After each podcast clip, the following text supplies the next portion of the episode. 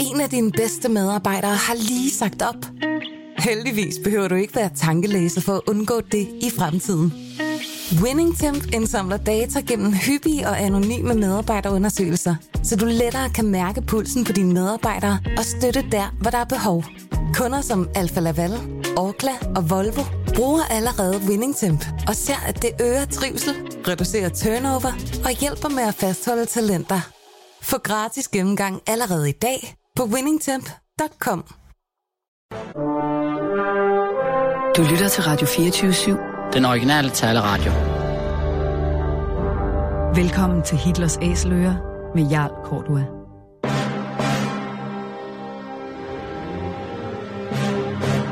Velkommen til programmet Hitlers Æseløer, et program om bøger om den anden verdenskrig. Mit navn er Jarl Kortua.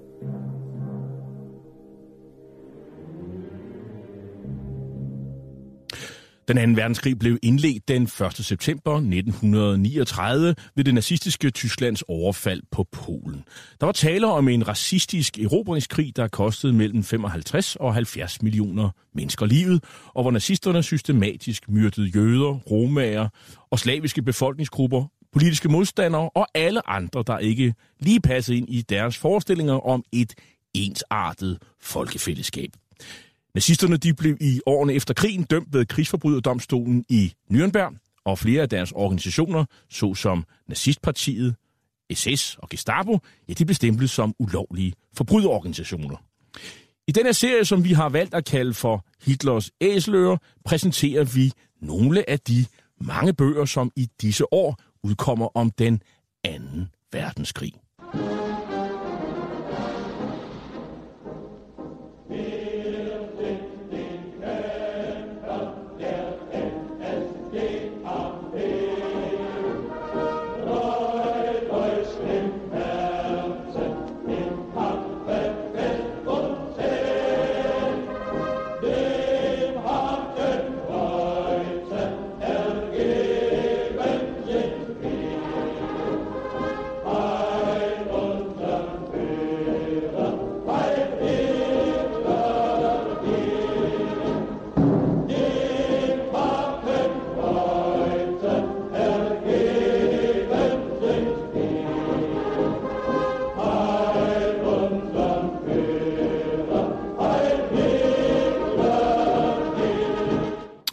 Vi har sendt de kæmper der NSDAP, sådan lyder det i, i, det, i det her vers fra en af de mange sla- lav- og partisange fra det nu i Tyskland forbudte nazistparti NSDAP, som og, og sangen hedder Deutschland er wacher, Tyskland vågn op. Et vers, der selvfølgelig handler om partimedlemmernes troskab til Hitler, hvis sag man naturligvis vil kæmpe øh, trofast for under hagekorsfanen. I Danmark der forsøgte danskere ofte med forskelligt mål for øje at udbrede nazismens idéer, eller nationalsocialismen, som de foretrak at kalde sig selv. Dog uden det store held. Det store flertal af danskerne gik i en stor bue uden om nazismen. Det gik lidt bedre i Sønderjylland med at være sjæle for Hitlers sag, hvor især mange tysksindede danskere så nazismen som genvej for at få Nordslesvig, det vil sige Sønderjylland, genforenet med det tyske rige. Også blandt visse erhvervsgrupper i Danmark stod nazismen lidt stærkere end i gennemsnittet i den danske befolkning. Der var påfaldende mange læger, der meldte sig under nazismens faner.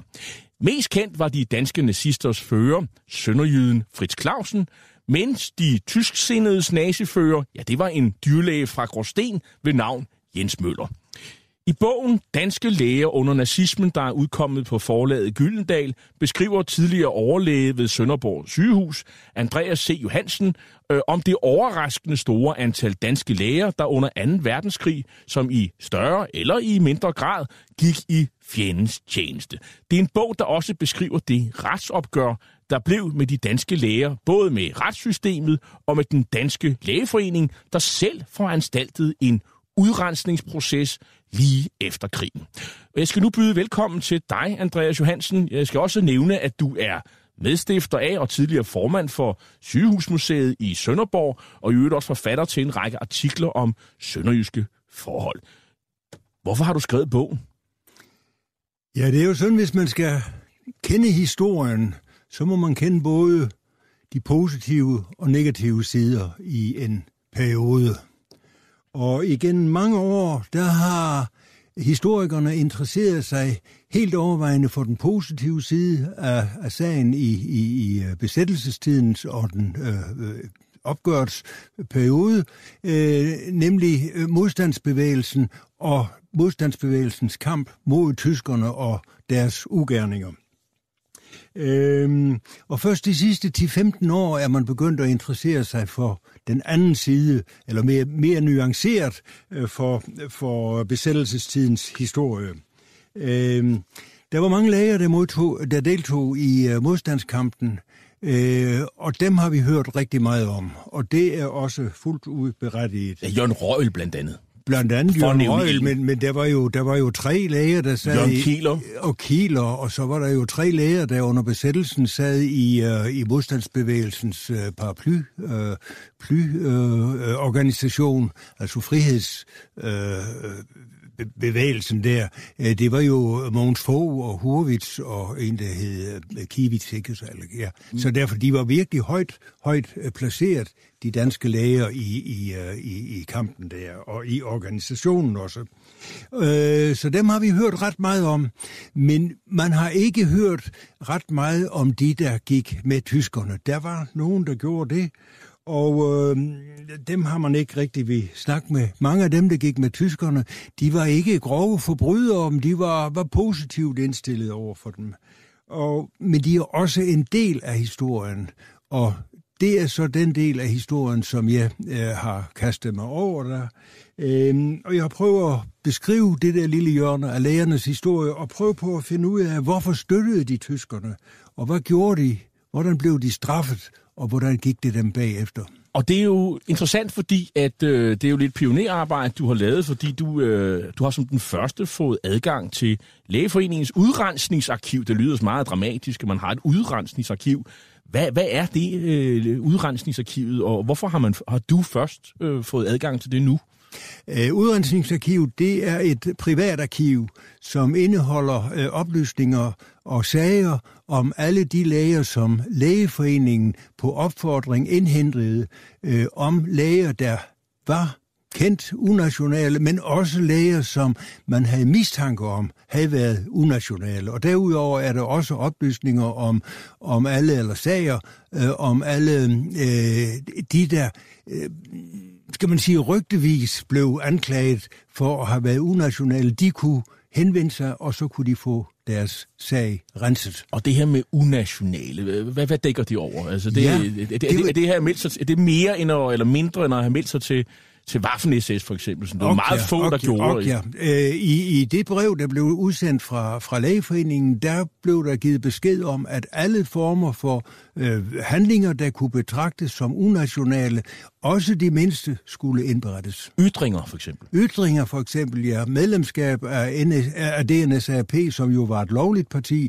det skulle indberettes. Øh, der fik man nu mange oplysninger fra arkiverne og fra, fra, fra Centralarkivet, men, men, øh, men, men alt skulle indberettes. For eksempel øh, sympati for, sympati for, for, for, for nazisterne og tyskernes sag ved en, et middagsselskab det var tilstrækkeligt, og også hvis man kom med negative udtalelser om modstandsbevægelsen. Det var også nok. Og grunden til, at du måske først nu har fået adgang til det arkiv, det er, fordi det er følsomme oplysninger. Øh, mange af de her mennesker, som har været i det arkiv, de har jo ikke mange af dem har jo egentlig ikke begået nogen egentlige forbrydelser. Nej. Øh, så, og det, og det, men det har haft meget stor betydning, øh, og også for dem, eller det kunne, eller det fik meget stor betydning, i hvert fald i en, i en årrække for nogle af de her mennesker, hvis de stod i det her udrensningsarkiv, og det vender vi tilbage til, hvorfor at, øh, at det faktisk fik en, en ret stor betydning. Men øh, var der mange læger i nazistpartiet? Altså, jeg kan se her, at øh, de udgør 3 promille i et DNSAP, hvorimod læger udgør en, pro, en promille af befolkningen på det her tidspunkt, altså under 2. verdenskrig. I 1939, ja. 1939. Ja. Og kan man, det vil sige, de er sådan overrepræsenteret med sådan faktor 3. Øh, øh, kan man forklare, øh, hvorfor? Ja, tallene stammer fra en øh, undersøgelse, som Marlene Djurso lavede for en del år siden.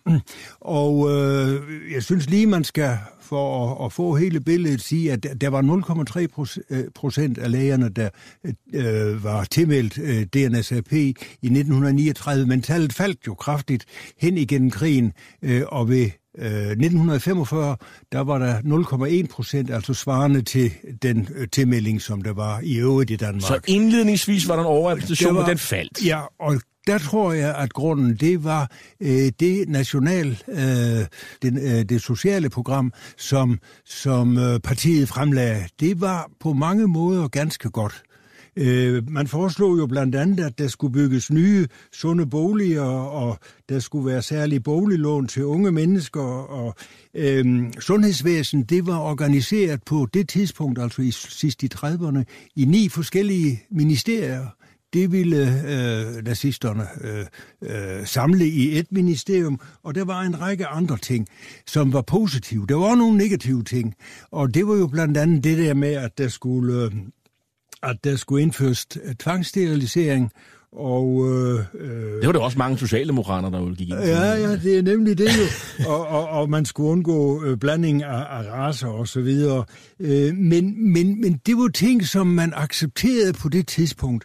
I Danmark var der i 1935 indført øh, Øh, tvangssterilisation af øh, øh, øh, specielle grupper af mennesker, og i 38 der oprettede man et øh, institut for arvebiologi ved Københavns Universitet, der netop skulle undersøge øh, arveforhold og indføre regler, som kunne begrænse, at det fortsatte i samfundet. Så det, det så, afskrækkede ikke folk. Så nazistpartiets idéer på de områder, du lige nævner der, det var ikke kun nazister, der abonnerede på dem. Det var der faktisk det var der, øh, mange andre læger og det var folk, en, der stemte på andre partier, blandt andet Socialdemokratiet, som, som, som synes var... Langt hen var, var en, en generel holdning i Europa. Mm-hmm. Ja, det var det. Okay. Men øh, vi skal jo finde ud af, øh, øh hvad foretog sig øh, de her mennesker sig under 2. verdenskrig, hvor de sådan forbrød sig mod, mod, mod dansk lov, sådan typisk? Ja, det de foretog sig, det var jo meget forskelligt. Der var jo, øh, for det første skal vi sige, der var jo dog mange, som var helt neutrale, som holdt sig uden for alt. Men, men dem, der meldte sig ind øh, og, og, og var positive over for tyskerne, øh, de fulgte i mange tilfælde egentlig bare de opfordringer, der var kommet fra, fra samlingsregeringen, eller den regering, der sad, og som jo ønskede, at vi skulle få det bedste ud af besættelsen. Øh, man havde fået besked på, at man skulle be, behandle tyskerne ordentlige, og, og nogen de øh, havde et mindre under tiden kun få dage eller enkelt, enkelte besøg øh, af tyskere, mens øh, andre de gik så ind i lidt mere øh, øh formaliseret samarbejde med tyskerne. Nogle enkelte meldte sig regulært til tysk tjeneste, øh, og gik ind i Frikorps Danmark, eller øh, deltog i krigen på, på anden måde. Men det, var, men det har lagt mærke til, at det er faktisk ret, øh, et, et markant mindretal. Det er ikke ret mange mennesker i virkeligheden. Det var, I alt var der syv, der gik ind i, øh, der, der kom i aktiv krigstjeneste. Det var syv stykker. Af lægerne, ja. Men, øh, og, men på, på anden vis så er det sådan noget med, for eksempel, der er flere eksempler, du nævner folk, der har gået arbejdsløse og ikke kunne få et job som læge og så har de, øh, og lægerne og tyskerne skulle jo bruge læger, fordi øh, der skulle være læger derhjemme i Tyskland, øh, fordi øh, lægerne de blev simpelthen sendt til fronterne. Øh, så der var akut mangel, lægemangel i Tyskland, og det var velbetalte jobs, og, øh, og nogle øh, gjorde det i forbindelse med, at de øh, tog uddannelser og så videre. De fik mulighed for at specialisere sig videre, tage til jeg tror, der er et institut, der er øh, to eksempler, et i Greifswald Universitetet, og jeg tror, det er Dresden, øh, en, en øjenlæge eller noget, ja, ja, øh, som, ja. som, som, som på, på forskellige vis ser en mulighed for at, at, at, at uddanne sig. Han blev direkte opfordret af sin professor til at tage derned. Ja. Mm. Så det er meget, øh, det, det er jo meget som siger, forskelligt. Og så har vi vel det, man, man kan så sige, det er jo ikke folk, der slår andre mennesker ihjel eller begår krigsforbrydelser, men de er der jo også. Og hvor, hvor mange er de, og hvem er de? Øh, ja, for eksempel, øh, og det er jo en af de største grupper af dem, som øh, øh blev anklaget og blev straffet, det var netop de, der udførte civilarbejde for tyskerne. Det var sådan, at civilarbejde, det var ikke strafbart efter straffeloven. Der var nogle 50.000 danskere, der var nede og arbejde i Tyskland. Men lægeforeningen betragtede civilarbejde som en unational handling, fordi man man øh, ved at påtage sig civilarbejde, så frigjorde man øh, tyske soldater eller tyske læger, som kunne gå ind i krigstjenesten. Så derfor betragtede lægeforeningen øh, civilarbejde som som øh, en unational handling. Efter straffeloven var det ikke forbudt. Okay. Og der var ingen af de der, der tog civilarbejde, som, som, øh, som blev straffet efter straffeloven. Og derfor skal man være, når vi taler om de her ting omkring lægerne, det vil sige, der er sådan to sæt, øh, hvad skal man sige, love, uskrevne regler, man kan overtræde. Der er den øh, straffelov, som man laver efter krigen, hvor man med tilbagevirkende kraft idømmer folk, der har lavet ting og samarbejdet med, med, med gået kry, tysk krigstjeneste for eksempel, øh, og andre ting. Og så er der dem, der laver hvad skal man sige, handlinger, der i lægeforeningens øjne er unationale. Ja. Så det vil sige, det, det er to, hvad skal man sige, Ja, det er jo ikke, det er jo ikke øh, som to straffelove, fordi det ene er en straffelov, den anden det er så lægeforeningens ja. interne øh, regler, fordi at, at, at der var jo selvfølgelig en masse læger, som simpelthen ikke ville finde sig i at stå i forening med de mennesker, som de mente var havde udført øh, unational optræden. Men for at vende tilbage til, til, der var vel også enkelte, der, der, der øh, begik egentlig krigsforbrydelser. Jeg tænker på øh, værnet, ja. øh, som, øh, ja, hvad er det, han foretager sig? Ja, Verden er jo den mest kendte af de der øh, øh, gik med tyskerne. Han, øh, der er jo skrevet en bog om ham, en rigtig god bog, meget gennemarbejdet bog, en dansk bog, der hedder Verden, den øh, danske læge i Buchenwald. Øh, Vernet, han... Øh, hvis vi skal starte ved starten, så var han sådan en, en, en, en lidt smart fyr, der, der prøvede sig frem og havde en pæn praksis heroppe ved Søborg. Øh, I 30'erne der blev han interesseret i øh, noget nyt, der kom fra Amerika, nemlig hormonbehandling af, øh, på forskellige måder. Der var nogen, der mente, at man kunne helbrede øh, homoseksuelle ved at give hormonindsprøjtninger. Og den øh, tog øh, verden til sig, og han startede sådan en, øh, en klinik, hvor han, hvor han lavede de der ting øh, og gav øh, øh injektioner og så videre. Sammen med en civilingeniør øh, lavede han en lille kapsel, en lille metalkapsel med nogle små huller, og der puttede han noget øh, hormonstof ind i det der og opererede det ind i lysken, og så skulle det der hormonstof, det skulle så sive langsomt ud, så kunne man undgå at, at skulle sprøjte folk hele tiden øh, med, med nye hormoner.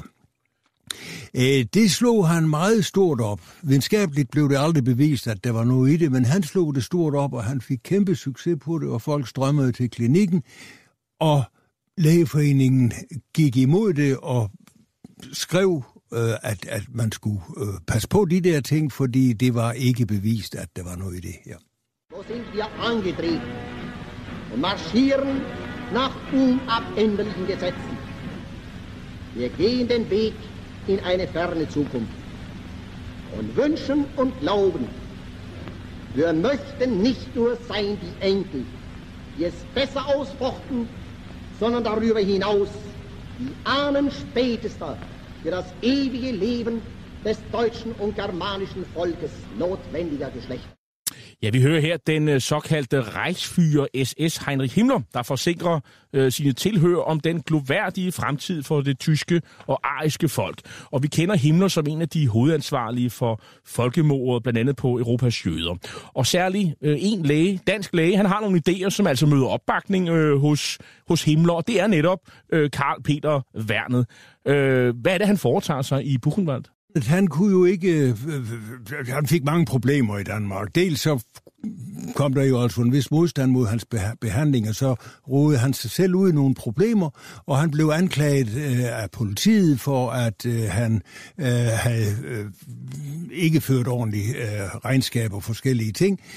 Og så vil man snakke med ham, og så flygtede han, eller rejste han, kan vi nu måske nok sige, til Tyskland, hvor øh, Himmler, eller nogen i relation til Himmler, havde hørt om hans forsøg. Himmler var meget interesseret i forsøgene, fordi han var jo fuldstændig paranoid med hensyn til øh, homoseksuelle, og han mente, at knap 10 procent af den tyske befolkning var homoseksuel, og det ville ødelægge den ariske race. Så han var, han var på Så, jagt efter et, et, et, et vidundermiddel, kan man sige. Ja, det var jo sådan, at de homoseksuelle, de blev jo, de blev jo øh, puttet i KZ-lejre, øh, de blev øh, tvangsteriliseret, men de, de homoseksuelle reagerede jo ved at køre en lav på profil, og nogle af dem fik så børn, skal vi sige, alligevel. Ja. Og øh, det passede jo ikke. Så mente, mente Himmler, at øh, ved at få dem helbredt, altså behandlet, mm. så kunne man undgå det der. Og øh, han inviterede så øh, øh, Verden til øh, Tyskland. Verden fik en, et laboratorium i Prag, hvor han kunne fortsætte sine forsøg. Og en del af forsøgene, de blev altså udført i Buchenwaldlejren, hvor, han, hvor Verden opererede på de der fanger. Han opererede, det er lidt usikkert, hvor mange det var mellem, men cirka 14 fanger blev opereret, og der var to af dem, der døde. Øh, og, og Andreas Johansen, du er jo selv læge og sådan noget. Der, der er noget med noget lægeløft. Øh, jeg, jeg, jeg, der, jeg er ikke selv styr på det, men, men der er noget med, at I læger, i må altså ikke operere på raske mennesker. Det, det er sådan en del af lægeløft. Er, har jeg misforstået noget her? Ja, men jeg tror ikke, der var ret mange af de løfter, der var gældende under, under 2. verdenskrig. Det må jeg sige. Altså på tysk side, de, de gjorde, hvad det passede dem. Men det her, det er et, det, er, det man kan kategorisere som en, en krigsforbrydelse. Det, var kommer det var på absolut en krigsforbrydelse, ja. Det var det. Og øh, der sker jo det, at øh, det er en længere historie dernede, men efter at han havde opereret, og det hele det, det flød ud i, i, i, i sandet, øh, så kommer han hjem, han bliver øh, arresteret, men på det tidspunkt havde man jo ikke nogen papirer fra Tyskland. Man vidste ikke, hvad han havde foretaget Man vidste ikke, hvad han havde foretaget sig, og han sagde, jamen han havde jo bare været dernede og, og arbejdet som læge og så videre, og han blev afhørt nogle gange og så videre. Øh, der skete det, at der var nogle politibetjente, der havde siddet i Buchenwald. De genkendte ham. Og øh, politiet havde også fået fat på et billede af værnet i SS-uniform. Så de blev jo ved med at bore på det der med, at han, han øh, havde altså virkelig været i lejren. Men øh, man kunne ikke få ham til at indrømme noget. Det skete så det, at øh, under afhøringerne, så får han et tiltagende smerter ved hjertet. Så nu hjertekrampe, og en af hans kolleger øh, fik så øh, gennem øh, statsadvokaten øh, udvirket, at verden kunne komme til Sverige for at blive behandlet med noget, der hed E-vitamin, og det var en behandling, som i øvrigt var, øh, ja, øh, der var vist ikke nogen, der kendte det eller, i øvrigt, men det accepterede man fra det offentlige, og man gav verden passet, og Værnet kom så til Stockholm. Troede man jo da i hvert fald, at han skulle godt nok melde sig. Det gjorde han ikke. Men øh, efter nogle måneder, så kom der nogle rygter om, at han formentlig ville flygte. Og øh, da man så henvender sig i øh, øh, Stockholm til, til den der professor, der skulle udføre de behandlinger, så havde professoren jo aldrig hørt om, om værnet. Fuglen var fløjet. Han var væk, og 1. januar lige omkring øh, januar, der kom der besked om, at nu var han i Brasilien. Og, og, og, og vi taler om 50'erne nu, eller hvad? Øh, vi taler om 47. 47, okay. 47, ja. Så det vil sige, at han var ligesom øh, mange andre nazister øh, stukket af til Sydamerika? Han var, han var stukket af, ja. Januar 47. Og så, og, fra Brasilien, så tager han videre til Argentina øh, og er i Buenos Aires. Og der får han så stilling hos øh, ved Sundhedsministeriet, som han derovre, som han får overtalt til at få lov til at fortsætte med forsøgene. Det løber stadigvæk ud i vandet. Hans næste projekt, det var så at lave øh, tørmælk af græs. Det lykkedes heller ikke, og øh, efterhånden så gik det ned ad bakke for ham. Og han ender med at tage tilbage til Danmark? Ja, nej. Øh, han havde meget stor hjemvæg. Hans sidste år, de var uhyre triste og han, øh, hans kone døde. Hun øh, omkom ved en, øh, blev påkørt af et tog på en station. Så selv kom han ud for en meget stor trafikulykke, hvor han sad i rullestol i halvanden år. Og øh, han havde rigtig stor hjemvej Øh, og vi gerne hjem. Han søgte flere gange Justitsministeriet, om han kunne få frit lejde. Nu er vi altså oppe i 50'erne. Og øh, det sagde Justitsministeriet, man ikke vil give ham. Han købte billet til at tage hjem, men lige før han skulle afsted, så blev han syg, fik øh, en eller anden mavesygdom og bliver indlagt. Man fandt ikke ud af, hvad han, døde, øh, hvad han, hvad han fejlede, men 14 dage efter døde han. Og han døde derovre, er begravet derovre. Man har fundet hans gravsted. Men, men Karl Peter Wernet, det er nok den danske læge, som formentlig, vi ved det ikke 100%, har begået de værste forbrydelser. Han er simpelthen øh, det, hans, den værste. Hans forbrydelser, er, og, og de er bevist. Altså, det, man kan læse om dem i, i, i, i Nürnberg. Hvorfor er det egentlig sådan, at, at lægeforeningens afgørelse, altså omkring det her, altså det her med øh, om unational optræden, øh, og hvorfor, hvorfor lader man ikke bare retssystemet arbejde, og så dem, der har trådt ved siden af, jamen de bliver så dømt. Hvorfor skal lægeforeningen ind og lave deres øh, Øh, undersøgelser og, og selvbestaltede domstol? Hvad, hvad er egentlig rationalet, og hvorfor er det, noget, er det, hvorfor er det vigtigt for lægerne? Øh, det var jo sådan, at en række organisationer, foreninger, firmaer, de følte, at de var blevet stærkt kompromitteret på grund af de unationale. Og blandt andet jo altså også lægeforeningen. Og lægeforeningen gjorde så det, at man ville undersøge det der, og så ville man straffe de, som øh, Øh, havde kompromitteret foreningen øh, med handlinger, der ikke var strafbare efter straffelovstillægget.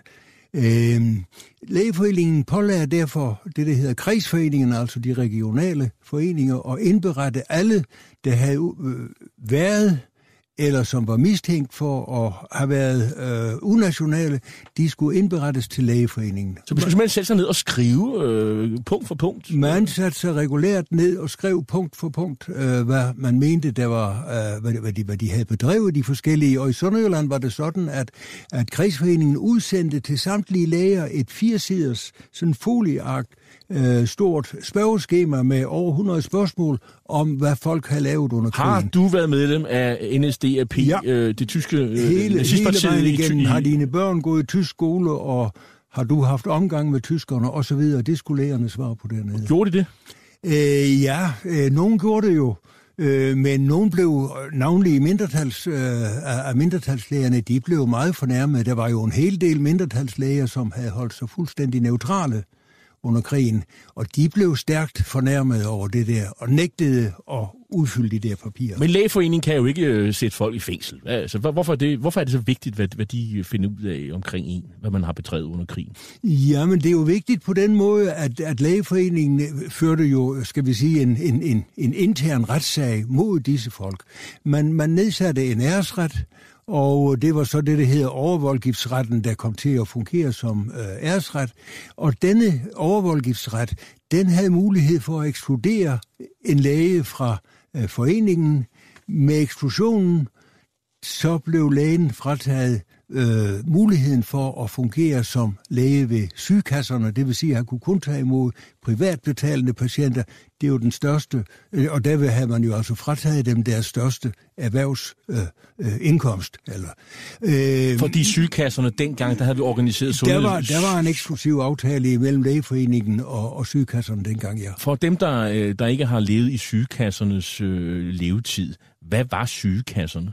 Sygekasserne, det var jo øh, mange steder, eller rettere jo alle steder, sådan set små, små private forsikring, forsikringer sådan i, i regionale forsikringer, der så var sammensluttet i større, de samvirkende danske øh, sygekasser. Og det var altså før vi havde sådan et, et egentlig offentligt sundhedssystem? Det var før vi fik, øh, fik øh, det lagt ind under Så det vi taler om, det er, hvis de her mennesker ryger ud, de her læger ryger ud af øh, lægeforeningen, så kan de ikke øh, virke som læge for sygekasserne, ja. så mister de deres indtægt. Ja.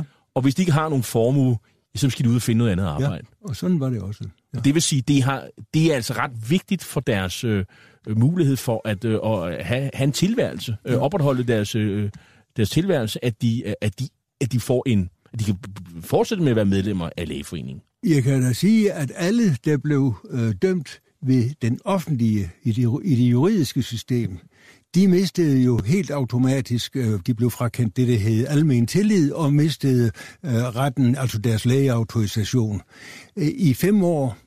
Og øh, når de kom ud fra fængslet, selv fængselsdommen den var afviklet, så kom de ud, og de var stadigvæk ekskluderet af foreningen, altså var, var smidt ud, havde ikke autorisation.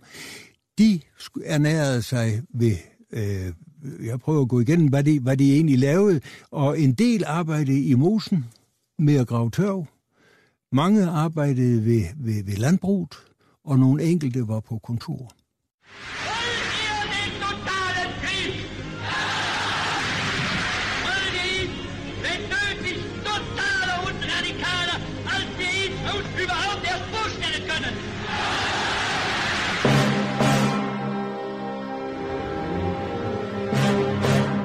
Du lytter til Hitlers Æseløer på Radio 24 et program om bøger om 2. verdenskrig med Jarl Cordua. Og i dag der taler vi om øh, bogen Danske Læger under nazismen, der er udkommet på forlaget Gyldendal, og jeg sidder her med forfatteren, øh, tidligere overlæge ved Sønderborg sygehus. Han hedder Andreas C. Johansen, og, øh, og vi taler om øh, ja, blandt andet øh, opgøret med øh, de læger, de var ikke mange, men de var der, øh, som øh, trådte forkert på forskellige øh, måder og gik øh, fjendens tjeneste, var nazister under, under 2. verdenskrig, og, og hvad, hvad, der, hvad, hvad der kom ud af det. Øhm, Andreas e. Johansen, der er, jo en, der er jo en tidsfaktor her, som er vigtig, når vi taler omkring opgøret generelt om landsviger, fordi lige efter krigen, altså 5. maj 45, der så vi jo, øh, at befolkningen, øh, nogen vil sige pøbelen, øh, jo gik amok øh, på, på, på dem. Øh, stikker, tyskerpiger, øh, folk, der havde samarbejdet med, med, med, med tyskerne på forskellige vis. Øh, og så kom, før det egentlige retsopgør kom, kom, altså der var en hævntørst, eller nogen vil sige en øh, længsel efter retfærdighed, eller opgør med de her mennesker. Øh, og det spandt sig ud. Det vil sige, i starten er der vel en hævntørst. Øhm, og det øh, er i hvert fald også en af de pointer, som øh, retshistorikeren Ditlev Tam øh, jo også fik redegjort i sin, øh, i sin doktordisputat fra 1984, øh, der hedder Retsopgøret fra besættelsen, at dem, der og pointen i hans øh, øh disputats er jo, at hvis man sørger for at komme, få sin sag for øh, efter nogle år, jamen så slap man billigere. Hvis man var så uheldig at få sin sag øh, øh for først, ja, så fik man en hårdere straf, nogle risikerede ovenikøbet dødsstraf. Det er lidt det samme, man ser i, i de her sager omkring, hvor man har retsopgøret, eller lægeforeningsopgør med lægerne, at, øh, at hævntørsten, altså sindene bliver formidlet ad over. Er det ikke korrekt? Jo, det er meget rigtigt. Øh, det var jo sådan, at, at øh, straffene de juridiske straffe også efter øh, for, for krigsforbrydelser var jo øh, rimeligt hårde øh, umiddelbart efter øh, øh befrielsen, altså i 1945 med det første straffelovstillæg. Og det blev jo oplødt kraftigt ved en revision af straffelovstillægget i juni 1946. I lægeforeningen var det på samme måde. Man gik meget, meget hårdt mod, øh, gik hårdt til de der folk, som... Øh, havde været unationale, eller som man opfattede som unationale i hvert fald øh, i den første tid. Men igen, allerede i 46 og navnlig i 47, der begyndte man at diskutere, hvordan kan vi resocialisere de der folk. Man kunne godt se, at det, det var lidt voldsomt. Øh, øh der var jo sådan, at øh, der var øh, 13 læger, der blev ekskluderet af lægeforeningen efter en, en offentlig domstol, og 12, som Øh, øh, lægeforeningen ekskluderede for ting, som jo ikke var strafbare efter straffelovstillægget. Altså i alt 25 læger, der var sat udenfor. Og øh, man kunne godt se, øh, at det var ikke rimeligt. De ernærede sig, som jeg sagde, med, ved, ved, ved helt andet arbejde, og man synes nok, de skulle tilbage. Men man var lidt ked af, øh, at man skulle til at være i stue med dem. Det vil man ikke det skulle stadigvæk være en vis afstand. Man vil, man vil ikke have, man, der var jo selvfølgelig dengang, det var jo Forenings Danmark, og når man holdt, når den lokale øh, kredslægeforening holdt møde, så vil man ikke sidde og, og holde møde med dem og drikke Nej. kaffe med dem. Det var vel det, det handlede om. Ja, jamen det var det, og, og derfor så endte det med, at man øh, i øh, 1947, så indførte man i lægeforeningen en regel om, at øh, de, der var ekskluderet ved lægeforeningen, ikke ved straf, ikke ved de juridiske, men de, der var blevet ekskluderet af lægeforeningen, de kunne blive genoptaget med begrænset begrænset mellemsret. Det vil sige, at nu kunne de få lov til at, at arbejde for sygekassen, så havde de dog imod igen mulighed for at få en, en, en normal indkomst. Men man vil ikke ikke have noget at gøre med dem i foreningen. De havde ingen stemmeret, de kunne ikke deltage i møder, de kunne ikke få tillidsposter, der var de fuldstændig blacklistet. Men i 1950, der er der sådan en generel amnesti. Så, så det er der, hvor man siger, ja. nu stopper festen. Nu stopper vi, ja. Det gjorde man i 50. Der blev man enige om, at nu må det være nok det her. Der var flere årsager til det der. Det fører nok lidt for langt at komme ind på det der, fordi en af de ting, som jo var påfaldende, og som jo var, øh, mange ikke forstod, det var det, at lægeforeningen kunne ekskludere folk, altså direkte kunne fratage folk deres erhvervsrettigheder. Og det var der så en af lægerne, som førte en sag, der gik helt op til højesteret, og der beslutter højesteret, de siger, at, at, at det er ikke rimeligt, det her lægeforeningen skal lave sin lov om fordi det, det går ikke, det der. Så det, er, det er simpelthen retssystemet, det der er bryder ind og siger, nu, nu stopper I venner. Hidtil havde det været sådan, at retssystemet accepterede, der har været flere sager ført, øh, sidst i 1942 var der en sag, om den måde, som retsforeningen, skal vi sige, ekskluderede folk på. Og, øh, og, og det har man hele tiden accepteret, men i 50, der siger højesteret, det går ikke det her. Og det var medvirkende også til, at man sagde, at nu lukker vi retsopgøret. Lad os lige prøve at tage noget statistik en gang for alle, for ligesom at, at perspektivere øh, tingene her. Hvad, hvad er det, vi taler om? 40.000 danskere bliver interneret af modstandsbevægelsen i dagene efter 5. maj 1945. Heraf cirka 50 læger. 20 af de her læger de bliver varetægtsfængslet, hvoraf fire ikke blev dømt, og to fik tiltalt frafald. Det vil sige, så var man nede på, ja, hvad bliver det? Øh, øh 14. 114 sager i alt øh, er der mod læger fra, for unational optræden. Og nu taler vi om de sager, som kører i lægeforeningens regi. Heraf er der af de 39, altså en sag, som kom for en offentlig domstol. De kører altså sideløbende. Så det er altså 114 sager i alt, vi taler om, hvor man dels har gået i tysk krigstjeneste derfra, og til øh, at man har øh, sagt et eller andet uoverlagt ved et middagsbord, eller i, i den stil. Øh, det vil sige, det er spændviden, vi taler om. Øhm, 13 ender med at blive fængslet, som du nævnte, og fik frakendt lægeautorisation. Øh, nu synes jeg, vi skulle vende os til at tale om nogle af de øh, skæbner, som øh, jo optræder i din bog, øh, Andreas C. Johansen. Øhm, og, og der er jo en, en række fremtrædende nazister, øh, også nogle, vi ikke har hørt om før. Øh, men her er for eksempel en en Charles Hindborg. Han var såkaldt storrådsmedlem, altså øh, det, det, er så, han, som, det er det, man kalder det i, i, i NSDAP, øh, DNSAP, undskyld, det danske nazistparti, og han er landsleder for noget, der hedder Afdelingen for Folkesundhed og Raceforskning. Hvem var han, og hvad havde han gjort? Øh, Charles Hundborg, han var overlæge på Usered sygehus. Og, og det er på Sjælland?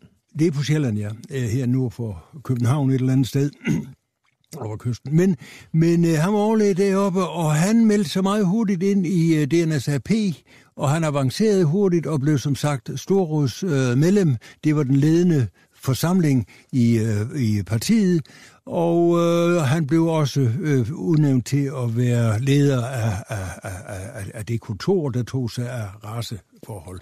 På kontoret der blev der udstedt race øh, eller slægtsbeviser, arier, attester, som, som kunne, øh, hvor, hvor med man kunne dokumentere, at man var tilhørt den ariske race, altså navnlig ikke den, den jødiske Og det var, race. det var vigtigt, hvis man skulle være optaget i, det i Waffen-SS. Hvis man skulle i Waffen-SS, så skulle man bevise, at man tilhørte der. Øh, Charles Hindborg, han lavede også en liste over venligtsindede danske læger. Den kalder man Hindborg-liste. Listen øh, gav jo mange oplysninger om, hvem der havde været sådan lidt på, på kanten der. Og øh, han øh, øh, samlede oplysninger om danske jøder, så de der oplysninger sendte han videre til tyskerne og så videre. Det var sådan set de ting, han stod for. Øh, han så skrev han nogle forskellige ting, blandt andet deres øh, socialpolitik og, og Danmark og sundheden. I fremtiden skrev han også om så, så han, øh, han var en, en meget aktiv mand, men jo ikke særlig fremtrædende i over for offentligheden, det må man nok sige. Øhm, og han sørger jo også for ligesom at, at melde sig ud i løbet af krigen. Øh, ja, han blev, ja, han meldte sig ud, men det er jo på grund af stridigheder med Fritz Clausen. Okay. Øh, Fritz Clausen, han, øh, han gik jo ned til sidst der i 43, så kunne han ikke han kunne ikke finde ud af det, og, og Fritz Clausen og Hundborg, de kom, kom op og toppes, og så melder han sig ud øh, i 44, tror jeg det var. At, men, der, men, øh, men selvom han melder sig ud, så kommer der jo en, en regning, der skal betales efter krigen, og, og hvad bliver den? Ja, det er jo meget sket, fordi han blev arresteret allerede den 5. maj. Og øh, der bliver så ført sager mod ham, og det var nogle, nogle sager, som, som var, var, var helt anden karakter. Der var noget med, at han havde lånt nogle lokaler til, til værnemagten osv.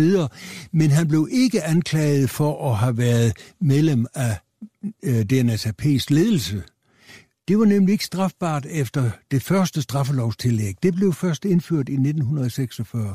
I første omgang blev han derfor øh, løsladt. Man havde ikke nogen ordentlige beviser mod ham. Men så bliver han taget igen, da der kommer en revision i 1946 af straffelovstillægget, og der får han tre års fængsel.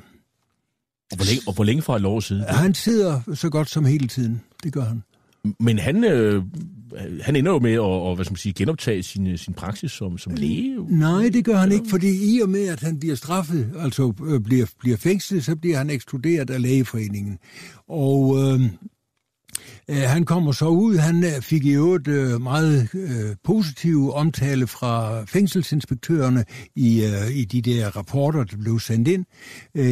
Han arbejdede på biblioteket, og, den ene fængselsinspektør skriver, at Hunborg har en klar positiv hold, indvirkning på de andre fanger med hensyn til deres optræden og så videre. Så, så han blev betragtet som positiv mand. Og på et tidspunkt, så kommer han jo altså ud, men så rejser han til så rejser han til, øh, jeg tror det var Spanien i første omgang, og siden hen til Karibien. Han kommer tilbage i 1951, tror jeg at han kommer tilbage. Så det gik en del år, inden han kom tilbage til Danmark. Og han kommer ikke til at virke som læge igen, eller hvad? Han kom ikke til at virke som læge igen. Okay. Nej. Så skal vi jo tale om øh, nok den mest prominente læge og nazist, øh, mm. som jo altså også omtales i din bog, Andreas C. Johansen, Danske Læger under nazismen hedder den.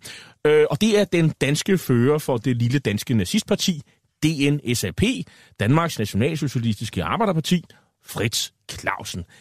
Hvem er Fritz Clausen, og hvad er hans baggrund? Fritz Clausen er en meget spændende og øh, også en meget kompliceret person, men han er jo født i Åben Rå. Øh, hans far døde et par dage før han øh, øh, blev født, og øh, han voksede op sammen med en meget, meget dansksindet mor. Øh, selv var han også meget dansksindet. Han gik jo, det var jo det, tilhørte jo Tyskland på det tidspunkt, området dernede. Han gik på gymnasium i, i Flensborg, og der kom han meget tit i strid med, med sine klassekammerater øh, på grund af de danske håndlinger, han havde der. De kaldte ham den fanatiske dansker. Øh, han begynder at læse medicin i 1912, og bliver så i 14 indkaldt til tysk krigstjeneste, kommer til Rusland, hvor han kommer i fangenskab, og kommer hjem i 18, og så gør han sin studier færdig i øh, 21 i København. Og så nedsætter han sig i Sønderjylland først i Åben og kort tid efter i Borup. Han var stærkt konservativ og øh, regnede med, at han skulle have en god øh, chance for at, at, at kunne komme til at gøre noget godt i det parti. Så en politisk karriere, det konservative Ja, en politisk, politisk karriere, ja. Men det lykkedes så ikke rigtigt. Øh, de kørte ham lidt ud på et sidespor. Han var mm, noget anti parlamentaristisk anlagt. Øh, han synes, at politikerne de svigtede. Blandt andet så vil han jo have stærk, forstærket det danske forsvar, og det synes de andre, og selv de konservative, synes ikke rigtigt, der var noget i det.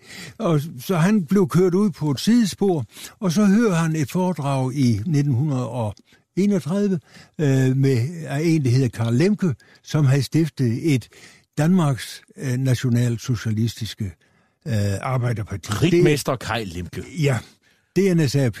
Og der blev øh, Fritz Clausen med det samme meget, meget betaget af det der parti, navnlig de sociale og de antiparlamentaristiske tanker, der lå deri. Det var det, der sådan set greb ham, og han melder sig ind i partiet og bliver hurtigt en leder. Han var en fabelagtig god taler, han kunne virkelig få folk med, og navnlig nede i Sønderjylland, hvor han jo kunne sproget, og han uh, kunne tankegangen og så videre. Det var nogle meget uh, primitive uh, virkemidler, han havde, men, men folk, de var med ham, og han fik ret stor succes dernede i partiet. Det voksede rigtig hurtigt i Sønderjylland. Ja, fordi øh, DNSAP øh, får faktisk pæne stemmetal nede i, øh, i, i Sønderjylland, hvor de sådan set også koncentrerer, øh, konkurrerer med et tysk-sindet ja. øh, dansk nazistisk ja, parti, ja, nemlig ja. NSDAP ja. Øh, Nordslesvig.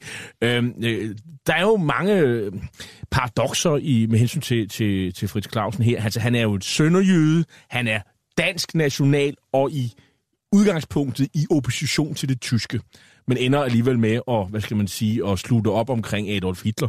Øhm, og så har han en datter, som lider af Downs syndrom, det som vi i gamle dage kaldte for mongolisme, øh, øh, og som han er enormt glad for. Og øh, man skal jo ikke vide ret meget om nazisme, før man ved, at øh, de gik ind for sådan noget med, øh, at den slags mennesker, der havde den slags handicap, jamen øh, dem skulle man, de, de skulle simpelthen aflives. Det var, det var tankegangen. Og så har, og, så, og hvordan hænger det sammen i, i, i, i Fritz Clausens Ja, og øh, det er jo, det er jo netop en af de her? der paradoxer med, med Fritz Clausen, fordi selvom han gik meget ind for de tyske idéer og så videre, så var der områder, som han ikke var. Blandt andet jøderne. Kun en enkelt gang nævner han noget om øh, jøderne. Han holder sig ude af jødespørgsmål, og også hele eutanasispørgsmål. Og der er der en meget morsom his, øh, historie eller en øh, situation omkring det der. For Clausen ender jo med at komme, melde sig til SS for at komme ud af problemerne i Danmark. Øh, I SS, han kommer til Minsk, og han bliver anklaget for at have øh, et stort alkoholforbrug Øh, og bliver så indlagt på en klinik i Würzburg, hvor der er en overlæge, der hedder Dr. Werner Heide, som undersøger ham. Heide finder hurtigt ud af, at øh, Clausen ikke har noget alkoholproblem, og tager til Berlin med Clausen, hvor man frafalder alle anklager, og så tager de til Danmark på ferie. Heide og Clausen. Og der er der et meget interessant billede, hvor, hvor øh, øh, man ser Heide, Fritz Clausen og Inge, de står og snakker med nogle folk i Borup. Og der må man jo nok sige, så øh, Inge, hun blev jo, øh, blev jo øh, Frans Clausen tog Inge med overalt. Øh, til de store partimøder sad hun på forreste række, og selv Heide blev hun præsenteret for. Hun ville formentlig ikke have fået lov til at leve, hvis hun var i Tyskland.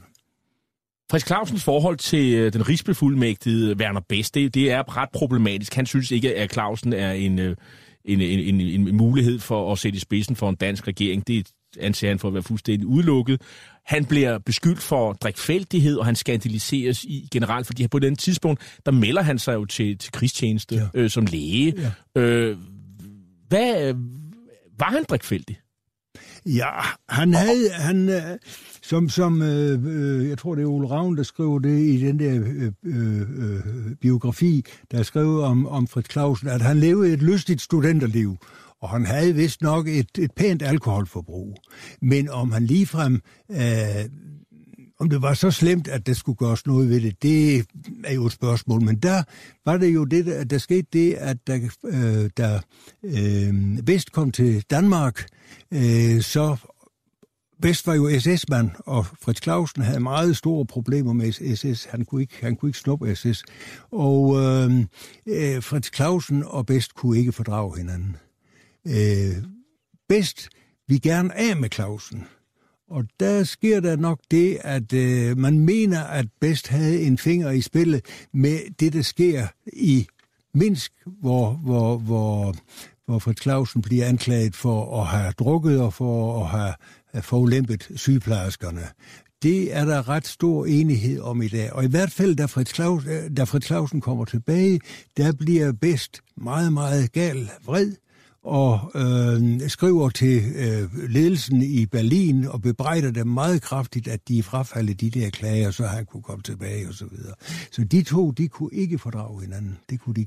Bedst kalder Fritz Clausen for en unberechenbare psykopat. En uberegnelig psykopat. Ja, ja. Men, men der kommer også et retsopgør for, for, for Fritz Clausen, fordi øh, ja, man internerer ham jo, og, øh, og der sidder han så kugulur og venter på, at hans sag kommer for retten, ja. og, og hvad, hvad bliver hans skæbne sådan kort? Sagen trak jo ud helt enormt. Anklageskriftet var først færdig i december 47. Jo dør han samme dag, som det sker 5. december. Han fik en blodprop.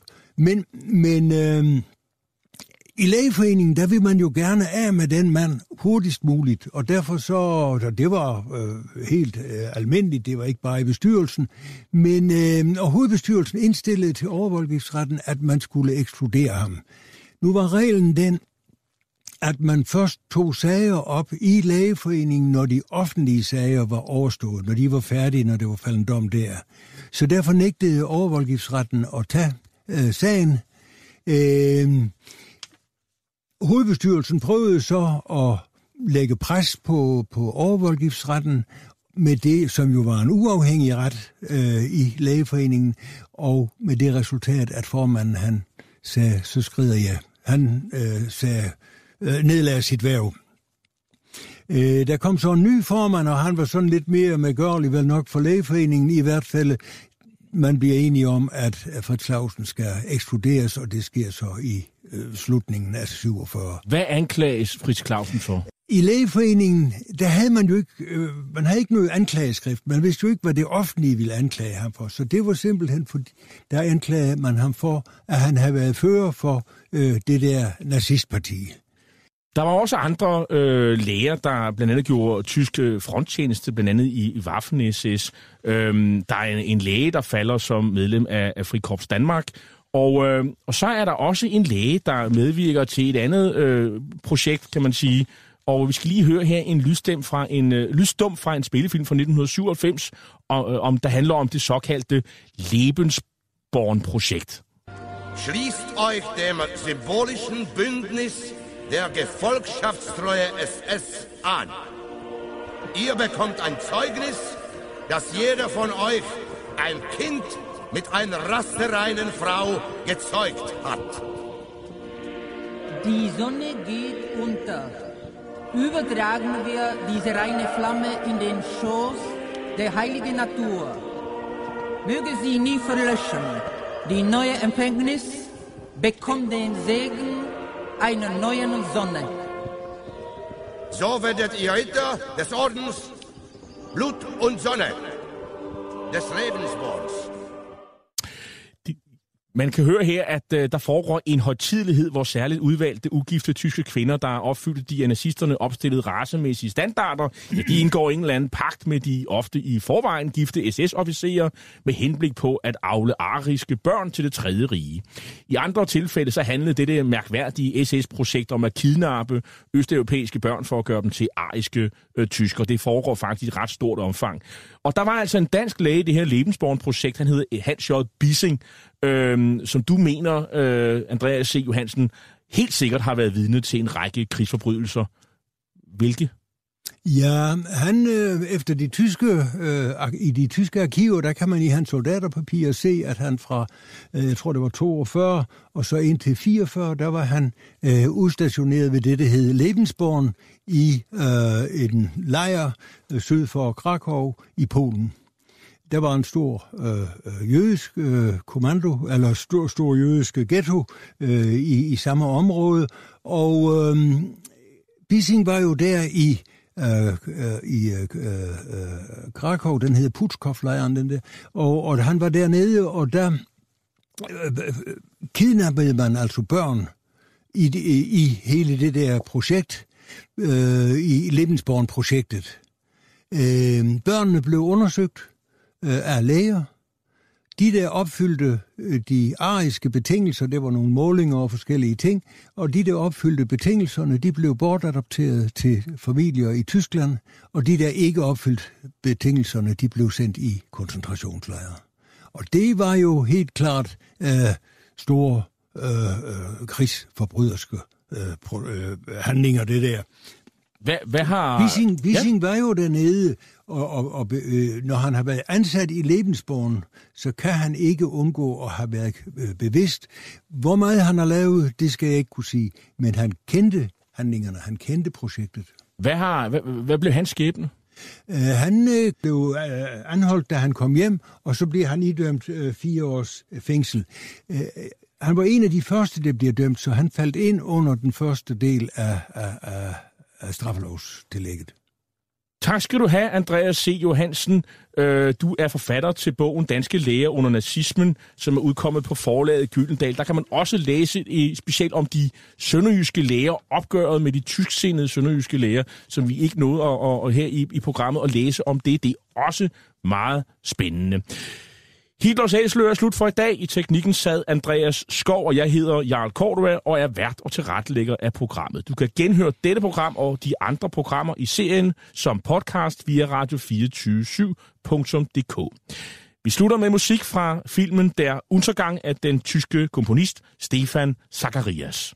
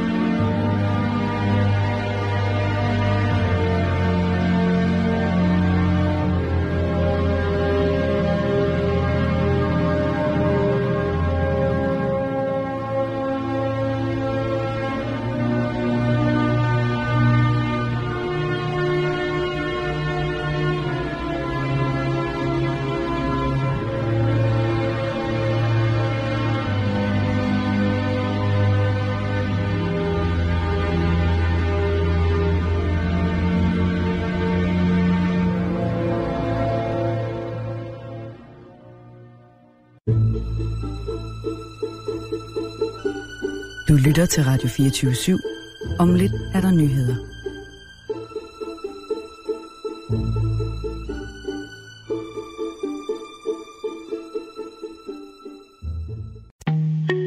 En af dine bedste medarbejdere har lige sagt op.